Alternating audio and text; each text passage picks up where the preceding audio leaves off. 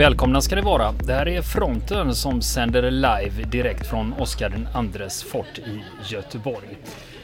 Det är en solig dag här i västra Göteborg ska jag säga och besökarna strömmar till faktiskt i hundratal. Vi får väl se efteråt hur många det har varit. Vi ska hålla på här i två timmar med mig Robert Lindberg. Niklas Sennerteg, min kollega, han är ju i Berlin just nu och guidar besökare där nere. Som ni känner till, han har ju skrivit böcker om Berlin bland annat, så han är ju väldigt kunnig på området. Så att då får jag klara mig själv. Men helt själv är jag inte, utan vi har med oss personal här från Oscar IIs fort. Och den jag ska börja prata med, det är Mikael. Välkommen Mikael! Tack så mycket! Och du är artillerichef på fortet? Det är riktigt. Jag, sen i våras har jag blivit utsedd till artillerichef. Egentligen i samband med att det formades en artilleriavdelning på fortet. Ja. Hur många är ni? Idag är vi sju stycken i artilleriavdelningen här. Ja. Så vi har gjort en rekrytering och vi kan väl fortfarande kanske ta in någon enstaka här. Ja. Men eh, om man tittar på er bakgrund, är ni gamla artillerister eller? Är det hobbyartillerister? Ja, alltså det är, vi, det är ett antal artillerister med och sen är det väl andra som tycker om när det smäller. Eh, lite eh, eh sportskyttar och liknande. Ja och allmänt teknikintresserade personer. Ja. Eh, vad är det, om vi tittar på utrustningen som finns här på fortet, är artilleriväg. Kan du berätta lite om det? Ja, det som vi har lagt mest tid på är ju de 15,2 cm kanonerna på Fors modell 03. Som ju eh, monterades här från början och sen har varit på en eh, resa ut i skärgården till Styrsö i samband med eh, andra världskriget. De har vi nu eh, skjutit salut med ett antal omgångar från början med eh, elektronisk avfyring. Men numera har vi sedan i våras fått ordning på avfyrningsmekanismer och kan då avfyra dem på som det gjordes från början, det vill säga med, med eh, kardusladdning och tändpatron. Mm. Men rent tekniskt, eh, om man inte kör elektroniskt, utan eh, hur gör man då rent praktiskt? Drar man ett snöre, trycker man på en knapp, drar man ett handtag? Det är ett handtag som man drar i som sitter på vänster sida av pjäsen. Så att vad man gör är att man ansätter, från början när man sköt med dem eh, skarpt så ansatte man en granat. Eh, sen en kadusladdning och sen så när man stänger slutstycket så sätter man in en tändpatron. Och då är pjäsen skarp laddad. Och sen så avfyrar man med ett handtag. Men eh, vad är det för typ av laddning man stoppar i? Alltså nu skjuter vi med en salutladdning och den är ju då en, en, en svartkrutsblandning. Mm. Eh, från början så hade man ju en, en, eh, granat som vägde 45 kilo och sen en eh, krutladdning men med snabbbrinnande krut på cirka 15 kilo. Ja. Ja, men om man då jämför med för att få iväg en 45 kilos projektil Mm. Hur mycket? Jag förstår ju att man styr lite beroende på vilken avstånd ja, man alltså man, kunde ju, man hade ju sannolikt, det var inte med då, men sannolikt så hade man olika karusladdningar för olika avstånd. Mm. Det är så man normalt sett har. Ja. Men hade du någon uppfattning om vikten man körde med på den tiden? Ja, då var det 15 till, 15 till 17 kilo i den uppgift jag har fått. Mm. Som man använde då. Och det är ju inte det vi använder idag. Vi behöver inte det för att få en ljud och, och, eh, visuell effekt. Mm. Och hur många kilo stoppar du i idag? Ja, cirka två kilo. Men det räcker väl ganska långt? Va? Ja, då har vi ingen projektil så att det, och det är ju inte så att pjäsen inte ens är ordningställda och kommer aldrig bli ordningställda för att kunna skjuta projektiler för att det krävs att de spänns upp eh, på originalfjädrarna. Eh, och det har ju aldrig varit aktuellt sedan de återmonterades här 2004. Mm. När, ni, när du tog över som artillerichef, i vilket skick var pjäserna då? Alltså vi, innan dess så, så, eh, var det ju en organisation som hette Artilleriavdelningen i Göteborg som eh, sköt med de här åt fortets vägnar. Eh, och då, redan då lades det ner mycket arbete på att få mekanismer och sånt att fungera så att det gick att stänga och överhuvudtaget få, få tillbaks och få, få igen slutstyckena. Så det fungerade ju i våras men det som inte var i funktion det var ju den eh, mekaniska avfyringen av tändpatronen. Det har vi ju fått jobba med nu på våren och få ordning på, på den eh, och få smort upp allting så det fungerar. Mm. Ja, hur mycket tid lägger ni här egentligen? Det är svårt att säga men vi har ju lagt åtskilliga. Det har ju oftast varit arbetsdagar på någon helg eller kvällar och sånt så det, det har ju gått åt ett antal eh, helger nu på våren för att få detta att fungera. Eh, och känna att vi, vi vet att det här fungerar. För det, det har vi varit tvungna att prova också. Bara från början med en, en vanlig tändpatron och se att det verkligen, verkligen fungerar som det ska innan man kör in en laddning. Eh, om man jämför, eh, jag kan ju väldigt lite om artilleri och kanoner ska jag ju säga. Mm. Men om man jämför med hur gör man när ni har smält av de här laddningarna idag? Hur ser vapenvården ut då? Så var, då, då torkar vi rent eldröret och idag så kommer vi nog antagligen försöka köra rent med en viska också. Vi sköt ju ett salutskott för cirka två veckor sedan och efter det gjorde vi inte så där jättemycket vapenvård. Så att det där blir ju så att vi samlar på oss det lite grann. Men idag är vi ju sju man på plats så vi kommer att se till att göra rent pjäsen ordentligt efteråt. Mm. Du, vad brukar du få när ni smäller av en salut här och ni har massa besökare här? Vad är den vanligaste reaktionen ni får från folk? Ja, det är väl wow eh, Eh, och att det är häftigt. Nu, nu har jag ju oftast, eh, jag har vid några enstaka tillfällen tidigare varit, haft möjligheten att stå uppe på gässan och se men jag är ju inne i pjäsen så jag hör ju bara dånet eh, från den pjäs som avfyras respektive grannpjäsen och ser ju inte hur det ser ut utan jag får ju nöja mig med att titta på de filmer som tas och se efteråt hur det blev. Mm. Ja, och hur har ni organiserat den här dagen? Ja, nu har vi organiserat upp som så att vi är då eh, tre personer i en pjäs och kommer ju vara fyra i den andra. Eh, just nu så har vi i, i princip en person i varje pjäs och kör guidad tur. Så för första gången nu så släpper vi upp besökare upp i båda pjäserna. Eh, vilket vi upplevt som är väldigt uppskattat. Så det är jättemycket frågor, jättemycket wow vad häftigt, vilka, vad stora de är och så vidare. Eh, sen när vi kommer att komma närmare avfyringsdags och, och vi ska ladda då kommer vi inte ha några besökare i, i pjäserna längre och sen kommer ju fortet utrymmas i samband med att vi ska skjuta. Mm. Vad har ni för säkerhetsavstånd? Säkerhetsavståndet är det, det kommer säkerhetsavdelningen att sköta uppe på gässan sen och vad de spärrar om. Men det kommer ju vara, det är ju bakom pjäserna eh, med hyfsat bra avstånd. Och det är ju lite grann också för ljudets skull. Det är ju inte så att det finns någon risk så länge man är bakom pjäsen överhuvudtaget. Mm. För det är just det jag tänkte på. Det är, ju, det är, ju, en aspekt. Men sen har vi ju det här med själva ljudsmällen. Ja. Antal decibel. Ja, den har vi inte mätt upp. Men eh, enligt fortchefen som var med vid sköt sist så han, han eh, vill ju naturligtvis njuta av detta. Han hade ju inga hörselskydd på sig. Han tyckte det smällde lagom bra. Men han kanske är lite avtrubbad. Jag kan inte uttala mig om detta. Ja. Men annars rekommendationen till besökarna det är fingrarna i öronen? Ja, det är den rekommendationen som vi går ut med. Ja. Ja, vad spännande. Men eh, den här typen av pjäser, var det en vanlig bestyckning man hade på svenska fort? Eller är det, någonting, är det annorlunda eller unikt på något sätt? Ja, de här pjäserna, de här två pjäserna är de enda pjäserna som faktiskt varit placerade på fort. Men däremot så hade man ju samma kaliber på fartyg på den tiden. Eh, man, de här pjäserna flyttades ju 1939 ut till Styrsö och man sköt ju väldigt mycket med dem där ute. Och man har faktiskt bytt eldrören på de här pjäserna och satt dit eldrör från något fart, skrotat fartyg. Så det är inte, eldrören har slitits ut under, under årens lopp. Mm. Vad är det för historia bakom de här pjäserna? Är de svensktillverkade? Ja, det är Boforspjäser.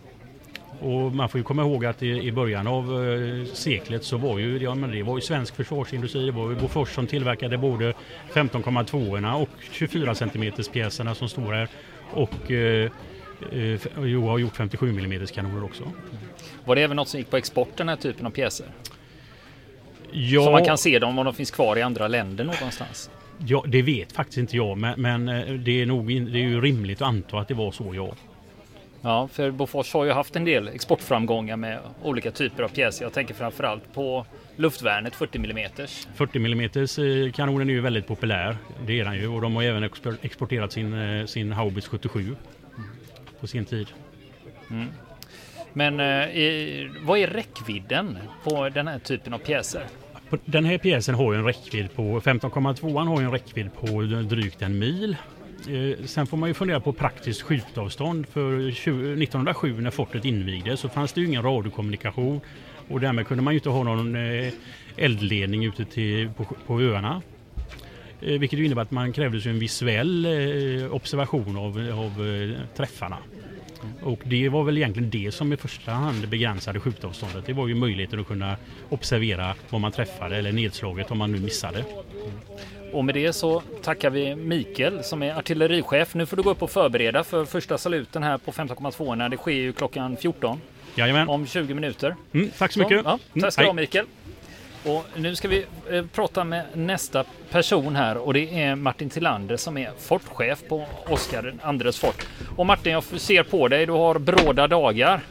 Ja, verkligen så. Men det är ju så här det ska vara. Det ska, exakt så här ska det vara. När var du här i morse? Eh, igår. Jaha, det... jag förstår.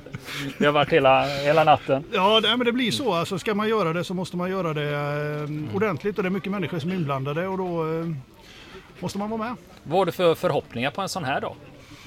Eh, ja, vi är ju ganska så väderberoende så man vet ju inte eh, så. Men alltså för varje gång som vi genomför en sån här flaggdag så försöker vi ju lägga till någonting. Och då innebär det att vi försöker alltid vara eh, så bra som möjligt och då är det svårt att översätta det i en, en summa människor liksom. Hur såg det ut här förra året i antal besökare? Mm, ja, vad kunde vi haft då? Kanske ja, runt 700 besökare kanske. 700 och det, med det här vädret så hoppas du, jag, jag förstår ju att du hoppas på att knäcka det. Det hade ju naturligtvis varit jättetrevligt. Alltså det är ju alltid roligt när, det, när man eh, slår sitt gamla rekord så att säga så. Ja. Men om du ska göra lite reklam, varför ska man komma hit? Det här är det enda stället som finns kvar som är helt orört. Som är original, som är icke konstruktionsmässigt förändrat sedan 1900. Alla andra ställen är ju det. Antingen eh, utav att utvecklingen har gått vidare eller så är de påverkade utav första kriget eller så är de ombyggda inför andra kriget och därefter påverkade. Eller så är de nedlagda. Så det, det här är det enda orörda som finns kvar. Det betyder ju att det är väldigt, väldigt unikt. Ja, det är klart det. Och det, det, det som gör det ännu mer unikt är ju att vi idag då eh, med, eh, ligger mitt i Göteborg kan man säga. Alltså spårvagnen stannar ju 400 meter härifrån och sådär va. Eh, 1900 så finns ju inte ens väg hit ut men idag så gör det ju det. Så vi ligger mitt i en, en storstad enkelt uttryckt. Ja, men om man vill komma hit och besöka Oskar II fort, hur gör man då? Eh, antingen så tittar man på eh, hemsidan eller Facebook-sidan och så tittar man på de här besöksdagarna som vi har under eh, sommaren. Eller så eh, har man ett sällskap så kan man ju då höra av sig och boka ett besök istället. Då. Vad är det som händer här idag då? Idag så ska vi göra, eftersom att det är en nationaldag och eh, svenska flaggans dag och eh, 100-årsjubileum för instiftandet av svenska flaggans dag så, så ska vi göra lite extra. Så vi ska faktiskt skjuta svensk lösen med eh, 15-2 och dubbel svensk lösen med 57 från Götiska batteriet. Och för de som inte vet vad en svensk lösen är. Ja, det, det tror jag, vet inte alla det. Möjligt, möjligtvis fortchefer, men du får gärna förklara. Ja, svensk lösen är eh, två skott. Dubbel svensk lösen, alltså fyra skott. Och det är ju för att man eh, historiskt sett skulle visa att man är svensk. Så skjuter man två skott för att berätta att jag är svensk. Men det betyder ju att andra länder hade andra. Danskar hade tre. Ja. Och då vore ju fan om någon lurades. Ja, det, nej, det, det är omoraliskt. Ja. Sånt, är, sånt är det ingen som gör. Ja, Så tre skott kommer vi aldrig skjuta precis. Eh, jag såg att det fanns ett gäng terrängbilar här borta också. Det förekommer ju flera olika typer av aktiviteter här idag. Ja. Eh, vi försöker hålla, alltså eh, Oscar är ju våran prioritering så det är ju det som vi jobbar med, det är det vi visar. Och sen så är det alltid trevligt att man kan eh, ha någon eh, pricken över it som är ändå knutet till eh, svensk eh, militärhistoria. Och då är det alltid trevligt att man kan lägga till någonting extra. Då. Hur länge är det ni har hållit på med att ta hand om det här fortet?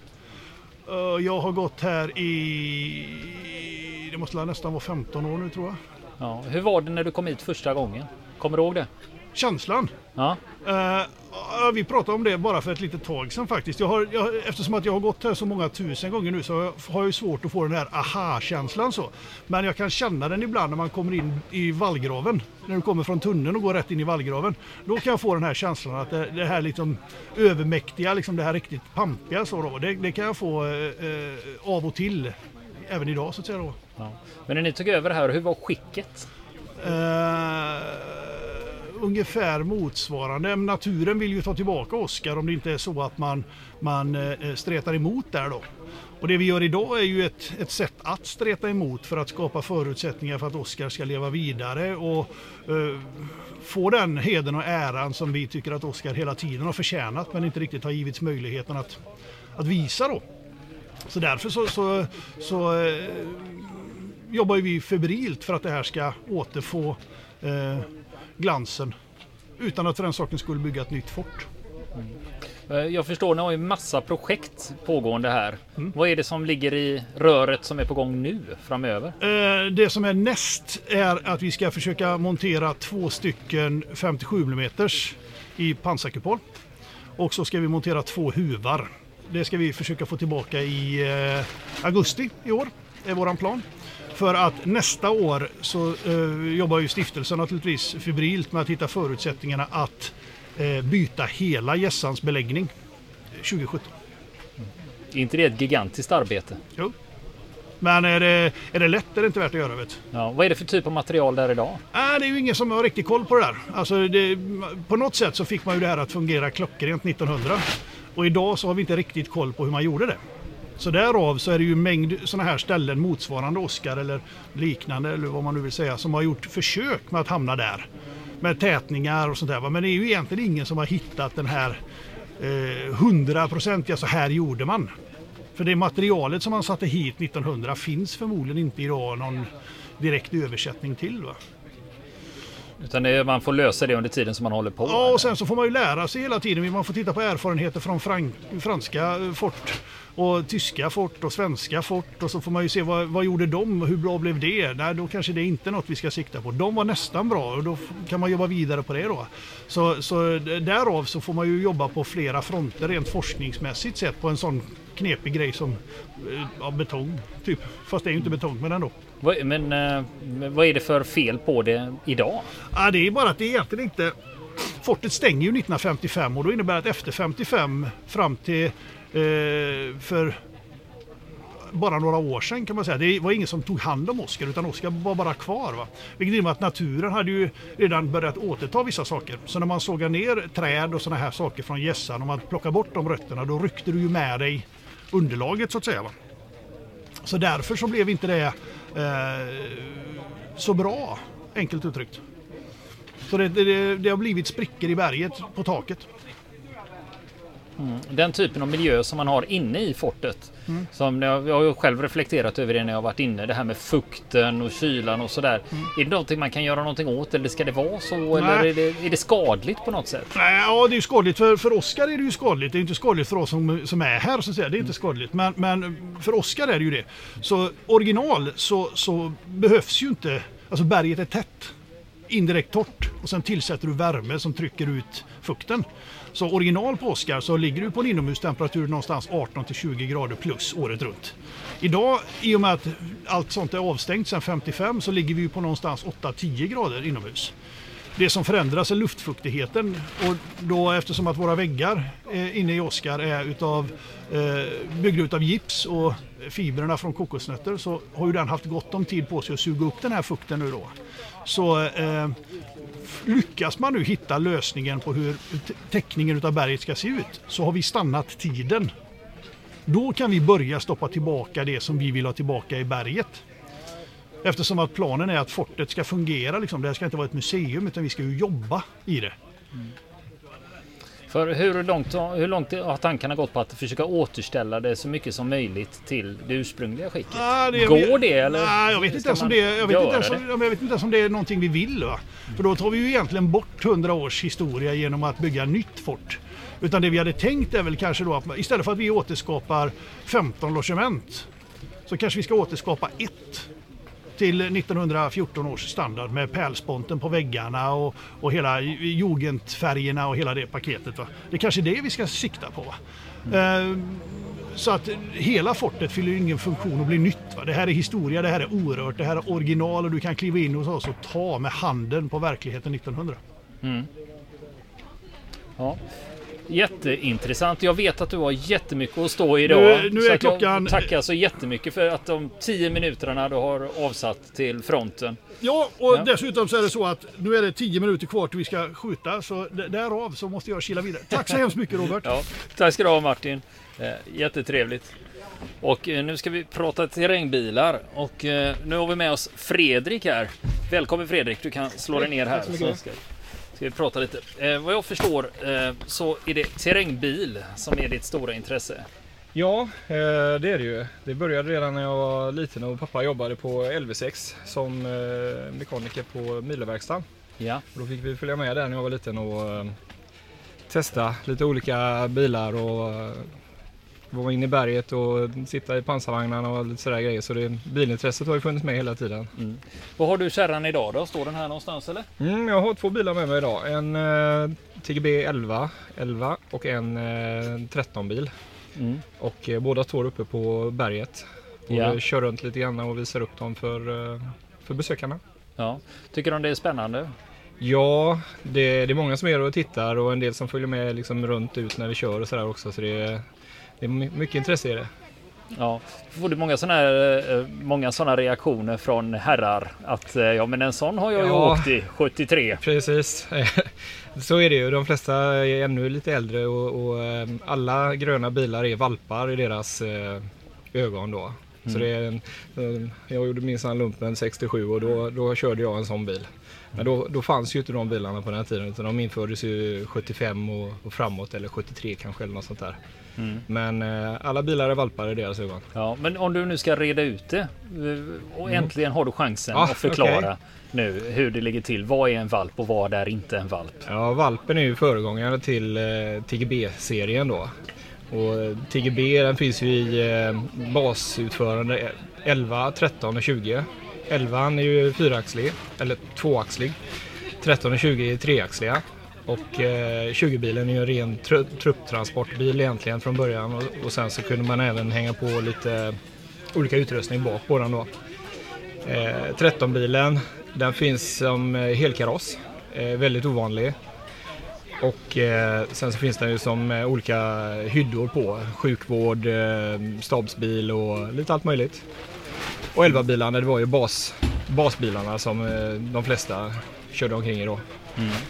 Ja, för de flesta av oss har ju sett de här bilarna. Det måste ju ha tillverkats mängder. Egentligen inte. Det, jag har ingen exakt siffra. Jag har aldrig kunnat få reda på någon heller. Men totalt i TGB 11 13 20 serien så är det i runda slänga 7 500 bilar. Och det är ju inga sådana. Det är ingen stor serie. Är de, är de, men de är, är de utfasade sedan länge eller? Nej, Är de, de de, fortfarande de är fortfarande eh, i tjänst. De skulle ju varit utfasade. Men eh, sen tog ju pengarna slut. Och de kunde inte köpa in nytt material. Så de, de lever kvar fortfarande. Fast, Man- fast många har ju sålts ut och, och skrotats och så vidare. Man ser ju även en del eh, civila Ja. ute på vägarna ibland. Absolut. Ja. Det blev ju populärt då eh, för 10-15 år sedan när de började sälja ut dem. Och då var de ju riktigt billiga också när man kunde köpa dem direkt på auktion. Eh, nu har ju priserna stigit rejält senare år men, men eh, det finns många som är ute och kör i skogarna med dem och eh, har dem som overlandingbilar och ja, allmänt bara för nöjes skull. Mm. Vad är det för typ av entusiaster som skaffar sådana bilar? Ja, det är ju alla möjliga. All, all, allt från människor som bara gillar att sprätta lera i största dynghålet de hittar till, till, till rena eh, entusiaster som vill ha det i så nära originalskick som möjligt. Och kör eh, reenactments och, och sådana grejer. Så det, det finns alla, hela spektrat av människor.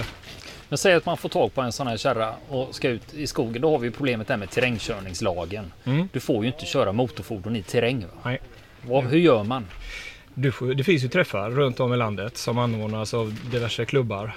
Och eh, det är ju sån körning man får hålla sig till. Du, du får ju faktiskt inte ens köra på din egen mark eh, för nöjes skull utan du, du måste ha ett syfte med den här körningen även om det är din egen mark. Så det, det, man får hålla sig till de träffar som erbjuds. Så det, det är en hel del runt om i landet så det, det är inga problem att få eh, terrängkörningstarmen mättad på året. Vilken del av det är det du gillar? Är det terrängkörning eller är det andra grejer? Ja, det är både och. Eh, från början var det ju ren terrängkörning. Eh, sen efter eh, som åren har gått så har jag ju renoverat eh, 13-bilen och gjort den mer som en overlandingbil då så jag kan åka på liksom, längre resor. Och... Vad är en overlandingbil? Ja, det är en expeditionsfordon som man kan bo i veckovis med hyfsad komfortabel nivå då. Så vi har varit på Island med den två gånger. Skeppa över den från, eh, från Danmark och så eh, har vi kört runt på Island då. Eh, så det gör jag med den ena bilen, 11-bilen, eh, 1111. Den använder jag ju till lite snällare skogskörning för den här brutala skogskörningen det har gärna växt ifrån lite grann nu. Så den använder jag till lite snällare skogskörning och så eh, originalbilsträffar. För den 13-bilen jag har den är ju så ombyggd så den går ju liksom inte in på en originalbilsträff längre. Mm. Men var det någonting du funderade på när du väl skulle liksom sätta mejseln i 13-bilen där att ska jag och ska jag inte? Nej, det var det egentligen inte. Utan Det- du hade bestämt dig? Ja, absolut. Och sen så det var ingenting som hände över natten heller utan jag har ju hållit på och filat på den i tio år. Så det, det har ju liksom, det har växt fram. Är det, men hur ser det ut med, om man tittar på, även om du sa att det har funnits ungefär 7 500, hur är det med reservdelar? Mm.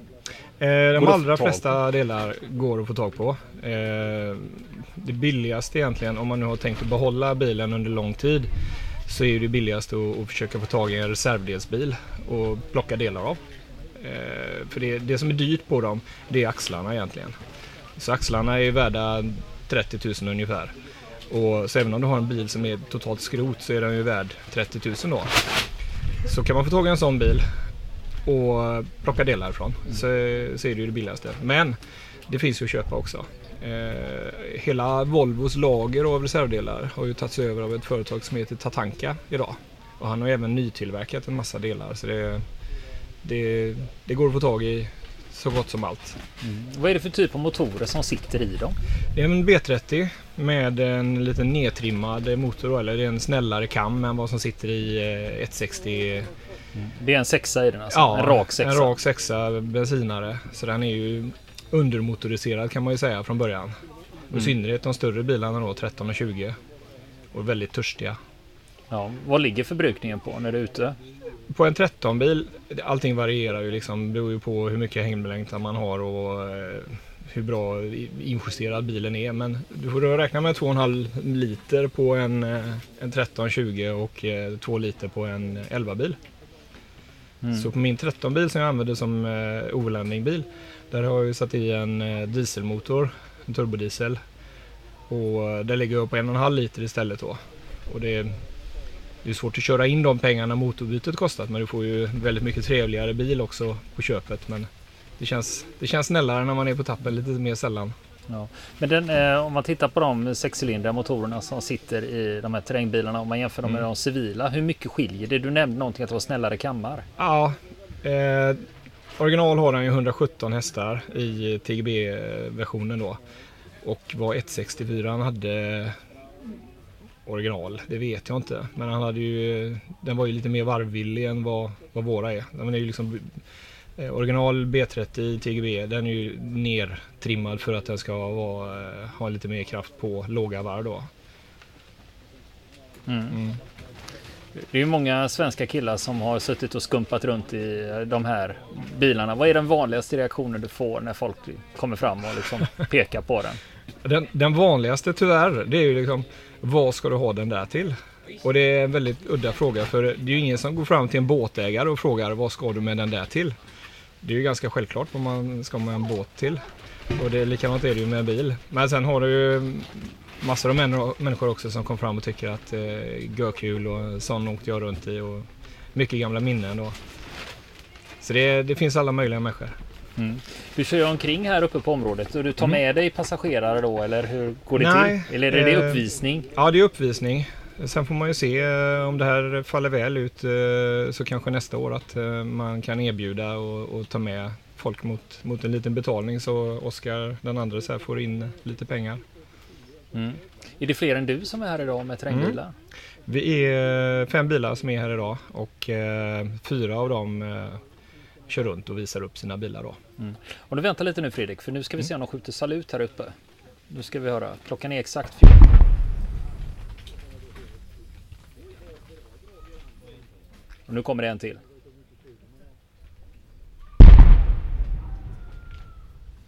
Vi sitter ju, jag och Fredrik här, vi sitter ju några hundra meter från de här 15,2 pjäserna mm. och ändå känner man liksom hur det trycker till i bröstet. Alltså det, är Absolut. Ju, det är ju långt härifrån. Alltså. Och de är ju riktade bort från oss dessutom. De är ja. riktade ut mot havet.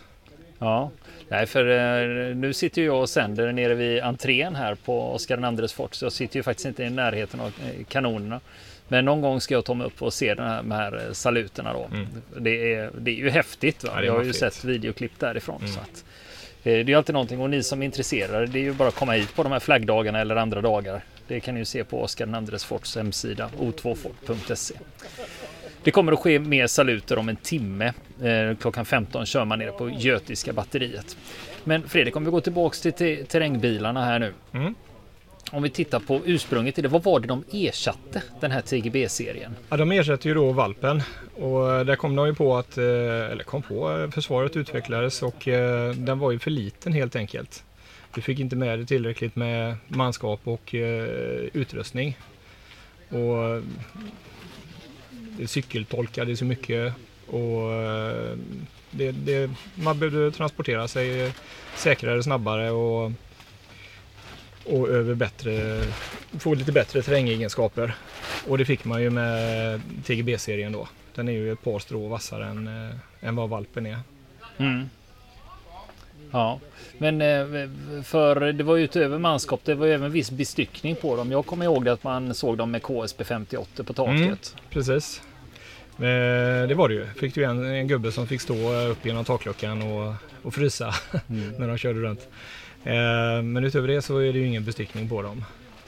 Ja, inte på din förstår jag. Nej, det är det ju inte. Ja, nej för jag vet eh, dels fanns det en typ av lavett med fjäder och sen fanns det även en med krans på eh, som, där man kunde skjuta den mera i sidled, en luftvärnskrans. Mm -hmm. Känner du igen det? Nej, ja, lavetten eh, den vet jag ju men krans det har jag inte sett på någon men det är mycket möjligt att det finns. Mm. Det, armén har ju mycket olika varianter. Ja. När du är ute och åker med din 13-bil i andra länder, vad, är den fortfarande grön till exempel? Eller ja. är den omlackad? Nej, jag, jag tycker om, jag har ju uppgraderat bilen totalt på insidan. Det är ju liksom kylskåp och värmare och eh, isolering och alla möjliga bekvämligheter då. Eh, men utsidan ser fortfarande militärisk ut. Så den är grön, kamofärgad. Och du får ju vara ganska så insatt i de här bilarna för att se att den inte är helt original. Och det tycker jag är lite kul att man behåller utsidan eh, i det skicket eller utseendet som den var från början. Mm. När det gäller däcken, vad är det för... Det är ju ganska kraftiga däck. Är det svårt att få tag på dem eller det, finns det någon sån här standardvariant för terrängfordon? Ja, du kan ju köpa eh, i princip originaldäcken om du vill. Eh, de är ju inte särskilt bra.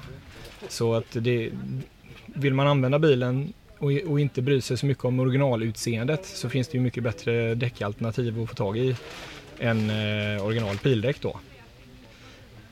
Och eh, ja, det beror helt och hållet vad du, vad du vill ha för syfte med bilen. Mm. Om vi tittar på när den här serien utvecklades på 70-talet, om man jämför den med moderna fordon. Eh, moderna terrängfordon, är det liksom som natt och dag eller har mycket hängt med?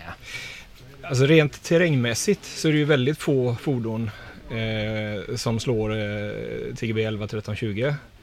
Det, inte ens moderna fordon är ju bättre ur det hänseendet. Det är ju portalaxlar och det är hög markfrigång, eh, spärrar i alla axlar så de, de tar sig fram överallt. Sen rent körmässigt och, och krockegenskaper och bromsar och allt sånt där, det är ju jättedåligt i jämförelse med dagens standard. Men att ta sig fram, det är... Ja, i skogen är de ju outstanding. Men sen när man ska ligga och köra landsväg eh, långa sträckor, då är de ju inte roliga. Det, så är det ju. Då får du eh, lägga lite jobb om du ska eh, köra mil med den. Ja, vad ligger maxfarten på ungefär? Rent praktiskt så kan du ju köra liksom i 100 drygt. Men eh, det gör man inte för det, det skånglar, det väsnas och det drar fruktansvärda mängder med soppa. Så eh, någonstans mellan 70 och 80 det är liksom en, eh, en, en normal eh, marschhastighet. Mm. Men när du är ute och kör på terräng, eh, i terräng med 11 då till exempel. Eh, märker, märks det mycket jämfört med andra fordon som är där att den är bra? Liksom, när det gäller att ta sig fram? Ja, eh, de flesta bilar som är ute i skogen det är ju eh, ombyggda jeepar av olika slag då. Och eh, de vägarna som många av de här jeeparna kör på och tycker att det är en utmaning det är ju transportsträcka för en 11. Sen nackdelen med, med TGB-serien det är ju att de är tunga så finns det ingenting som bär under om man kör ut på där det är lite blött, en myr eller någonting. Då sjunker den ju med en gång. Då, då klarar sig en, en lättare liten jeep bättre. Men så fort det finns fäste bara under så är den ostoppbar. Mm. När det gäller, eh, du har ju åkt runt i landet och kört på flera olika platser. Har du någon favoritplats? Liksom att den terrängbanan, den är outstanding.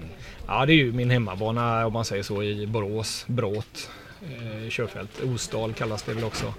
Och, eh, den är väldigt, eh, det är ett stort område, väldigt tekniskt eh, och man kan köra det finns mycket olika spår eh, som man kan köra på så det finns, det finns någonting för alla.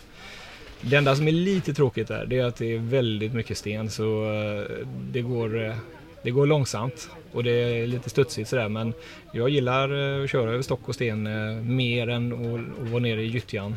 Så för mig är det en perfekt bana. Du hade ju varit på Island. Har du några andra expeditioner på gång någonstans?